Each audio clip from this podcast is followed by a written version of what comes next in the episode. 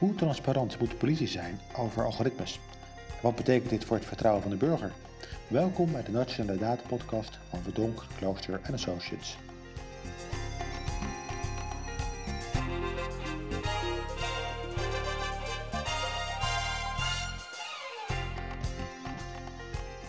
Welkom bij de Nationale Data Podcast, de podcast met inspirerende gasten en inzichten over het gebruik van data, algoritmes en artificiële intelligentie in de publieke sector.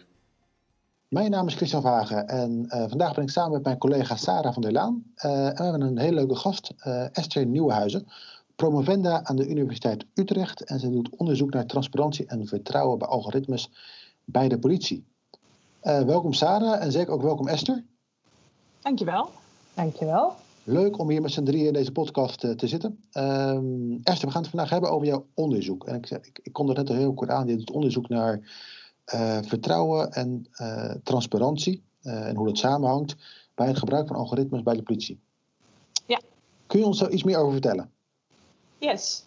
Ja, ik um, ben sinds september gestart bij de Universiteit Utrecht.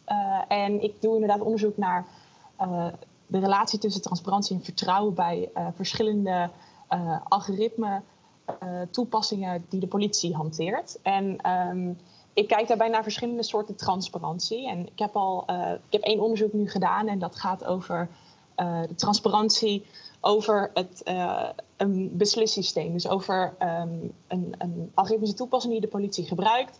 En als je daar transparant over bent, um, heeft dat dan effect op het vertrouwen dat burgers hebben in dat beslissysteem. En ik ga later in mijn um, promotietraject ook onderzoeken doen naar andere soorten van transparantie. Dus bijvoorbeeld uh, transparantie over hoe agenten omgaan met uh, algoritmische toepassingen. Dus luisteren ze daarnaar of luisteren ze daar niet naar? Uh, kijken ze meer naar hun eigen expertise of volgen ze het systeem op? Um, en naar transparantie over de organisationele inbending van algoritmen. Dus worden algoritmen um, gemonitord, worden ze geëvalueerd? Wie zijn er betrokken bij het ontwerp van de algoritmen, um, et cetera? Maar goed, mijn eerste onderzoek was dus naar uh, transparantie over algoritmische besluiten. En um, wat, voor, wat voor effecten verschillende soorten uitleg hebben op het vertrouwen van burgers in die besluiten. Nou, klinkt hartstikke boeiend, Esther. Um, wat versta jij dan onder transparantie? Of wat voor soort transparantie neem je dan mee in, uh, in je onderzoek? Ja, transparantie um, in de literatuur uh, wordt eigenlijk gezegd dat dat kan gaan over um, de uitlegbaarheid van algoritmische besluiten en over de toegankelijkheid van uh, algoritmische besluiten. En um, uitlegbaarheid gaat over um, nou ja, het geven van uitleg over een, een, algoritmisch besluit. En toegankelijkheid gaat over het verschaffen van toegang tot uh, codes die gebruikt worden.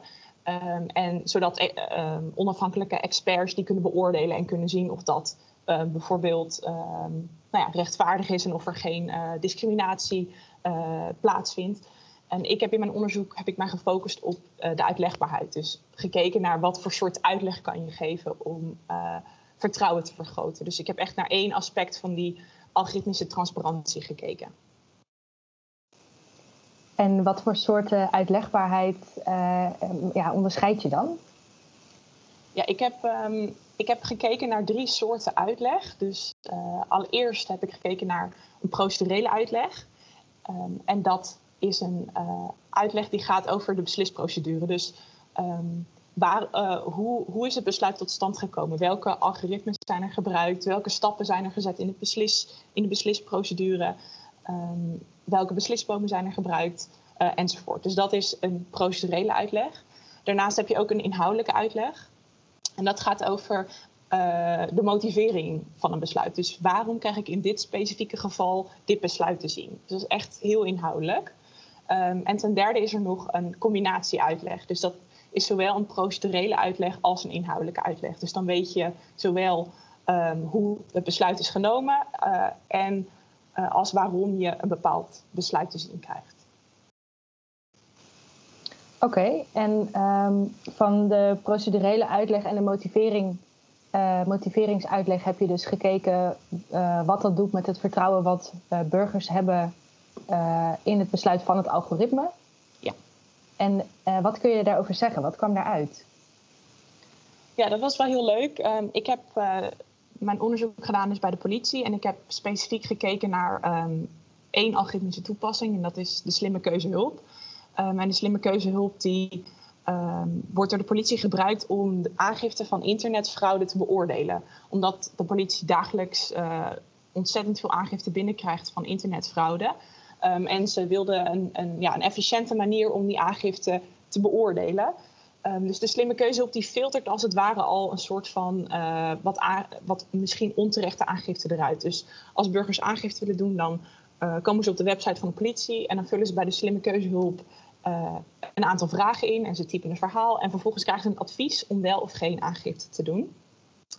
Um, en we zagen dat bij de politie zagen ze dat um, 72% van de mensen die het advies kregen om geen aangifte te doen, uh, alsnog aangifte ging doen. Dus 72% van die mensen met zo'n, ja, een, als het ware een negatief advies, die volgden dat advies niet op. Dus de politie wilde daar wat mee. En die wilde kijken hoe zij dat vertrouwen in zo'n uh, advies konden vergroten. Dus ik heb gekeken bij de politie van wat doet nou zo'n procedurele en een inhoudelijke en zo'n combinatie uitleg um, voor het vertrouwen in besluiten van de slimme keuzehulp. En nou zoals ik net al zei, was, uh, was voorheen uh, was 72% van de mensen um, die kozen voor om alsnog aangifte te doen, terwijl ze het, het advies kregen om geen aangifte te doen. En ik heb in mijn uh, onderzoek heb ik mijn respondenten ook de slimme keuze laten doorlopen. Dus ik heb een simulatiealgoritme gemaakt waarbij um, uh, de respondenten een casus kregen en die moesten ze invullen. En vervolgens kwam daar ook een advies van de slimme keuze op uit. En toen konden ze kiezen of ze wel of, geen aangifte gingen doen. En uit, dat, nou ja, dat experiment kwam naar voren dat um, mensen met, die een procedurele uitleg te zien kregen, dus waarom of hoe heeft de slimme keuzehulp besloten dat ik geen aangifte moet doen. Dus nou, dat gaat dan over dat er gebruik gemaakt is van een algoritme en dat aan de hand van een tekstanalyse um, gevonden is dat de webshop waarbij iemand uh, bijvoorbeeld schoenen heeft gekocht, dat die webshop betrouwbaar is, dus dat er geen sprake is van internetfraude. Um, bij zo'n procedurele uitleg was, ging nog maar 32% van de mensen alsnog aangifte doen. Terwijl dat dus uh, bij, nou ja, zoals we eerst zagen voorheen, was dat 72% bij de politie. Dus dat is al een, een flinke daling. Um, terwijl bij een inhoudelijke uitleg was die daling nog veel groter. Ik zag daar dat nog maar 9,5% van de mensen uh, alsnog aangifte ging doen. Dus als mensen te zien kregen waarom bijvoorbeeld een webshop betrouwbaar was, dus dat een webshop aangesloten is bij een keurmerk en dat een keurmerk door een uitgebreide screeningsprocedure moet gaan, um, en dat bij zo'n uh, keurmerk eigenlijk vrijwel nooit sprake uh, is van fraude. Dus als je echt weet waarom in jouw specifieke geval die webshop betrouwbaar is, um, dan klikt nog maar 9,5% of kiest nog maar 9,5% van de mensen ervoor om geen aangifte te doen. Dus dat is al echt een hele grote daling ten opzichte van die 72% bij de politie eerst. En uh, als derde heb ik ook nog die combinatie uitleg getest. Dus ik heb gekeken dat als je en informatie geeft over hoe het besluit tot stand komt, dus aan de hand van algoritme en een tekstanalyse, um, als uh, een inhoudelijke uitleg, dus waarom, heb ik, waarom is die webshop nou betrouwbaar, dan uh, klikt 11,5% van de mensen door. Dus dat is iets hoger dan enkel een inhoudelijke uitleg. Dus ik zag concluderend dat een inhoudelijke uitleg het, grootste effect, het grootste positieve effect heeft op vertrouwen. Um, dus dat je met een inhoudelijke uitleg ervoor kan zorgen dat de minste mensen doorklikken en uh, dus het, ja, het grootste vertrouwen uh, kan genereren in zo'n algoritmisch besluit. Oké, okay, hartstikke interessant. Um, want als ik het goed begrijp, betekent dat dus dat um, mensen meer geïnteresseerd zijn in te weten in hun specifieke geval waarom in dit geval een aangifte, waarom ze geen aangifte moeten doen. Ja. dan te weten waarom het algoritme zegt waarom ze geen aangifte moeten doen. Ja, ja dat klopt. Dus dat de werking van het algoritme eigenlijk minder interessant is voor mensen dan hun, uh, ja, hun eigen specifieke casus. Ja, ja en dat uh, komt ook wel overeen met. Um, nou, in de literatuur wordt ook vaak gezegd dat hoe groter de impact van een beslissing, hoe belangrijker het is dat je uitleg geeft. Omdat dan de behoefte aan uitleg groter is. Um, en ja, ook al zou je misschien niet verwachten dat uh, een aangifte van internetfraude, bijvoorbeeld als je dus schoenen hebt gekocht en die zijn niet afgeleverd, zou je misschien niet in eerste instantie verwachten dat de impact heel groot is. Um, maar mensen uh, die beoordelen hun eigen zaak vaak toch als ernstig. er was een onderzoek geweest door, ja, door onderzoekers die hebben gekeken naar hoe mensen die de slimme keuze op gebruiken, hoe um, erg zij hun eigen um, ja, fraudegeval beoordelen. En in 90% van de gevallen zeiden, zeiden de gebruikers van de slimme keuze op dat hun zaak ernstig tot zeer ernstig was. Dus ja, ook waarschijnlijk is het misschien niet een, een, een besluit waar veel impact uh, voor iemand achter zit, maar dat is, dat is wel zo. Dus het is belangrijk als, als een besluit veel impact op iemand kan hebben, dat je je um, uitleg echt inhoudelijk motiveert. Hey, Esther, ook een vraagje. Um, ja. wat, wat zijn nou de consequenties van het onderzoek? Wat gaat de politie nu anders doen? Ja, nou, dat is een uh, goede vraag. Um, de, ik, ik, ben nu als promovenda ook aangesloten bij het uh, politielab. Dat is uh, het Nationaal Politielab AI. Een samenwerking tussen de politie en verschillende universiteiten om um, ja, zowel wetenschappelijk als ook um, in de praktijk die uh, inbedding van AI bij de politie verantwoord en, en goed te laten verlopen. En um, in het kader van het politielab um, nou ja, werk, werken wij als prom promovendi ook veel samen met de politie. Sommige promovendi werken zelfs voor de politie en die nou, zijn ook nog deels bij de universiteit uh, in dienst. En ik ben toen gevraagd vanuit de politie om uh, mijn uh, resultaten in de praktijk toe te passen. Dus ze vroegen van, hey, we zien dat, dat er zo'n groot verschil kan zijn um, als, als wij een inhoudelijke uitleg zouden geven bij onze afwijsreden. Dus als in alle gevallen waarin mensen te zien krijgen dat ze geen aangifte moeten doen, want dat zijn, dat zijn er meerdere.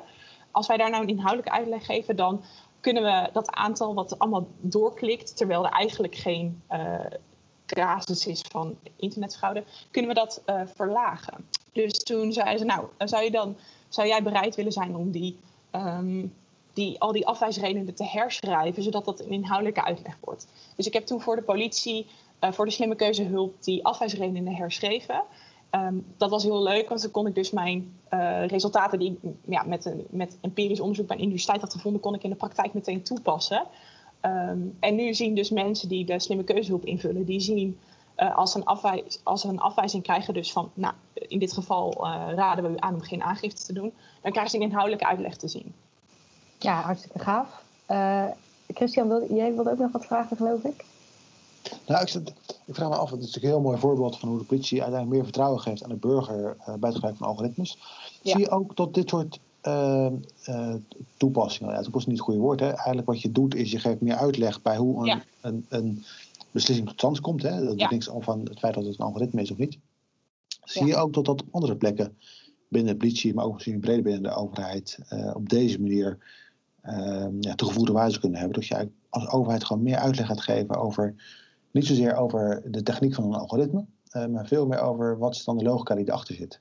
Ja, ja absoluut. Ja, ik, um, ik, ik noemde ook in mijn onderzoek, noemde ik een aanbeveling aan beleidsmakers en het ging eigenlijk over heiligt het doel de middelen. Want nou ja, algoritme en het gebruik van eh, AI eh, is heel hip. Dus steeds meer um, ministeries, maar ook uh, provincies en gemeenten en andere overheidsorganisaties die willen AI gebruiken in hun dienstverlening. Omdat dat nou ja, efficiënt zou zijn en effectief. En, um, maar aan de andere kant um, denk ik dat ja, beleidsmakers of, of nou ja, mensen die bij publieke organisaties werken, dat die zich goed moeten afvragen of het doel wel de, de middelen heiligt. Want als, je een, als, een, als een beslissing eh, zo complex is dat je de motivering niet kan uitleggen, dus dat is bijvoorbeeld in het geval van uh, blackboxes, dus dat mensen die het algoritme maken uiteindelijk zelf ook niet meer weten waarom een bepaald besluit uh, uit dat algoritme rolt. Um, dus als de, als de beslissing zo complex is dat je, die motivering, dat je geen motivering kan geven voor dat besluit, dan denk ik niet dat het uh, doel de middelen heiligt. Want dan gebruik je meer een algoritme om het gebruik van een algoritme en dan kun je niet aan burgers uitleggen waarom, je, uh, waarom zij dat bepaalde besluiten zien krijgen. Dus je moet altijd nadenken of je, of je het besluit goed kan uitleggen als je een bepaalde algoritmische toepassing gebruikt. Um, en dat is, nou ja, dat is meer voor uh, op beleidsmatig niveau van hè, gaan we wel of geen uh, algoritmisch beslissysteem gebruiken. Um, maar op het niveau van meer ontwikkelaars bij publieke organisaties, maar ook misschien breder, is het ook van belang om echt zo specifiek mogelijk te zijn. Dus ik noemde dat ook massamaatwerk door AI. Dus in elk uh, bij elke afwijsreden, ook al denk je dat het misschien uh, niet zo van belang is en je wil gewoon kort en krachtig of kort en bondig zijn, het is wel van belang dat je inhoudelijk echt heel duidelijk uitlegt waarom iemand een bepaald advies of een bepaald besluit te zien krijgt, omdat, ze, nou, omdat je zo dus dat vertrouwen flink kan laten toenemen. En nu is er ook heel veel aandacht voor zogenaamde algoritme-registers. De gemeente Amsterdam is daar denk ik een koploper in die eigenlijk op hun website gaan publiceren welke algoritmes zij, zij hebben, daar ook al tekst en uitleg bij, bij geven.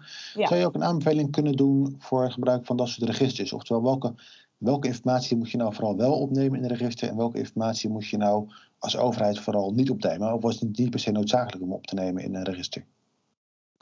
Ja, dat is een goede vraag. Um, dat raakt denk ik aan wat ik eerder al zei over dat die transparantie over algoritmische besluiten bestaat uit twee onderdelen, die uitlegbaarheid en die toegankelijkheid. En ik denk dat dit een voorbeeld is van die toegankelijkheid. Dus dat je uh, toegang geeft aan experts, maar ook in dit geval aan burgers, uh, over wat voor algoritme je gebruikt. Um, en ik heb zelf nog geen onderzoek gedaan naar die toegankelijkheid, maar dat is wel een belangrijk aspect van, die, uh, van transparantie over algoritmische besluiten of over het gebruik van algoritme in het algemeen. Um, en daar ga ik in mijn in vervolgonderzoek wel nog aandacht aan besteden. Dus daar kan ik nu nog verder geen aanbevelingen uh, of nou ja, anderzijds opmerkingen over maken.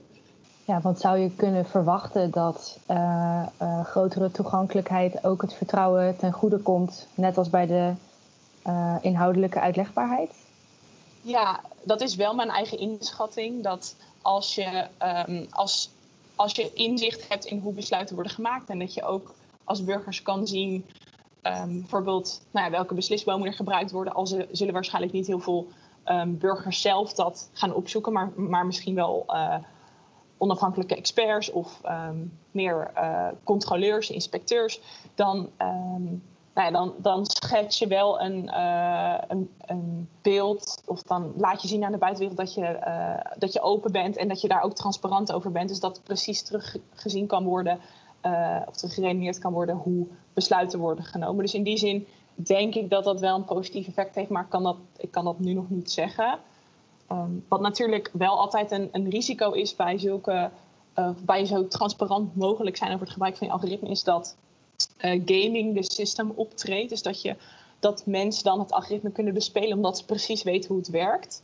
Um, dus dat is altijd een, uh, risico. Maar aan de andere kant denk ik dat als je als overheid besluiten maakt, dat je, ja, die moeten altijd transparant zijn. Dus burgers moeten alsnog weten hoe, hoe een besluit is gemaakt. Dus in die zin denk ik dat het voor publieke organisaties uh, geen probleem zou moeten zijn.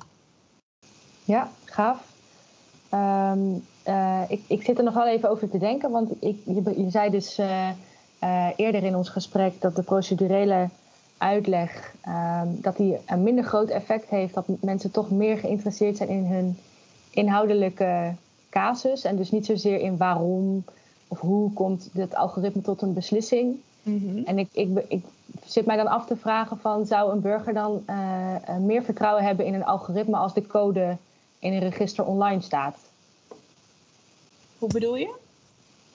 Nou, op het begin zei je van um, uh, dat de, de inhoudelijke uitleg aanzienlijk groter uh, ja. uh, effect had. Mm-hmm. Ten opzichte van de procedurele uitleg. Ja. En dat valt dan onder die uitlegbaarheid van transparantie. Ja. en de toegankelijkheid, die bijvoorbeeld zou gaan over kunnen we de code inzien. Ja. daarvan begrijp ik nu dat je zegt, ik denk dat dat ook een positief effect kan hebben op het vertrouwen van burgers. Ja. Uh, wat ik dan wel ja, interessant vind, omdat ik vermoed dat de doorsnee burger niet, uh, ja, net als uh, ja, de meeste mensen, niet codes kunnen lezen, zeg maar. Nee. Nee, dus in die, in die toegankelijkheid zit ook, zit ook meer de achterliggende gedachte dat, um, nou, dat, die, die, dat die codes toegankelijk zijn voor onafhankelijke experts of voor uh, toezichthouders die vervolgens misschien een rapport publiceren of gewoon een, een, een, nou ja, een artikel publiceren over bijvoorbeeld, nou, wij hebben de politie beoordeeld, wij hebben de, de beslisbomen of de codes van de slimme keuze op bekeken en hier zit geen discriminatie uh, in. Of hier, uh, nou, dit is gebaseerd op, op de, de wetsartikelen die ervoor bedoeld zijn. En als jij, um, als zij zeg maar die vertaalslag maken van het interpreteren van die codes en die beslisbomen naar een begrijpelijke tekst over, um, uh, nou, een soort beoordeling als het ware over hoe die politie dat doet. Dus hoe uh, toegankelijk die codes zijn en dat dat ook allemaal juist is gedaan, dan, uh, dan kun je dat aan burgers laten zien. En is dat meer uh, hoe die toegankelijkheid naar burgers zou zijn. Omdat ik ook verwacht dat er weinig burgers zijn die uiteindelijk um, die codes of die beslisbomen van algoritmische toepassingen gaan lezen en hier iets mee doen. Ja, dus die toegankelijkheid heeft dan een meer indirecte rol ja. in het vergroten van het vertrouwen van burgers. Ja, absoluut. Oké. Okay. Christian, had jij nog uh, vragen? Nee, nee ik, ik, ik even, als ik probeer samen te vatten, wat denk ik heel interessant om mee te nemen is, uh, in de hele discussie rondom uh, transparantie, uh, wat ik jou ook hoor zeggen Esther, is we moeten denk ik als, als politie zijn, hè, maar dat gaat denk ik breder, hè, als overheid, officieel ook buiten de overheid, vooral inzicht geven in hoe een besluit tot stand is gekomen. Niet zozeer ja. per se in hoe de techniek allemaal werkt, hè, want ik zeg, ja, wat Sarah net ook zegt, ja, dan kunnen we misschien als, als leken in deze wereld misschien ook niet heel erg een, gevoel krijgen hoe, goed het dan is. Maar je moet vooral goed laten zien uh, wat de afwegingen zijn die, die gemaakt zijn. Hè. Dus ik ben heel nieuwsgierig ook hoe de politie daar in de toekomst eh, mee verder gaat. Niet alleen de politie, ook alle andere organisaties. Ja, dat is absoluut. Daar heb je, nou heb je het goed samengevat, denk ik. Het is, het is belangrijk, denk ik, om zo. Um, inhoudelijk mogelijk uit te leggen waarom iemand een bepaald besluit te zien krijgt. Uh, omdat dat dus het vertrouwen vergroot. En ja, dat, is, dat, is niet al, dat is niet alleen uh, omdat je als overheidsorganisatie, denk ik, een vertrouwen van beurs moet nastreven, maar ook je moet ook je uh, besluiten motiveren als overheid. Dus het is ook ja, een van de beginselen van behoorlijk bestuur om dat te doen.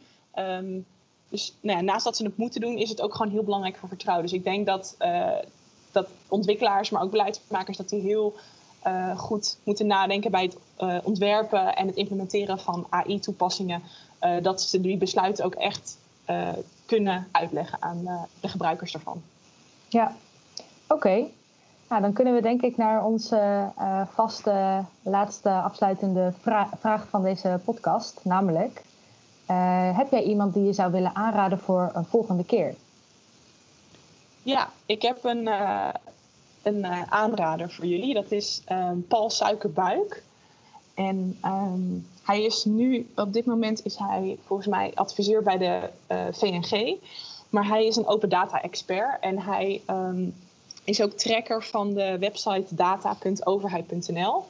En ik heb hem een keer gezien in een, in een training over, over open overheid. Dus hoe je als overheid je data um, nou, zoveel mogelijk uh, inzicht in kan geven aan burgers.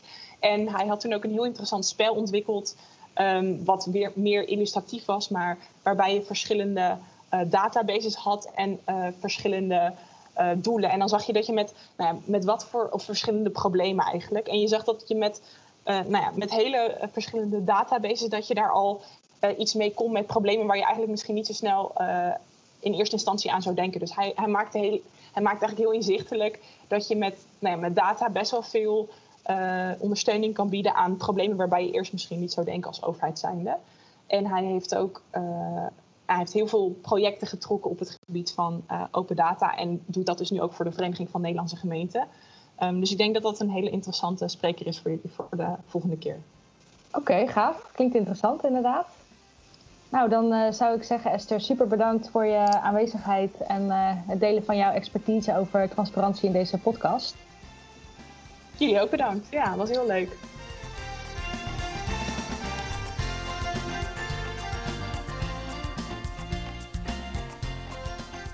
Hiermee zijn we aan het eind gekomen van deze aflevering van de Nationale Data Podcast. Bedankt voor het luisteren. Abonneren of terugluisteren van alle afleveringen van de Nationale Data Podcast kan via Apple Podcast, Spotify of je favoriete podcast app. Tot de volgende keer.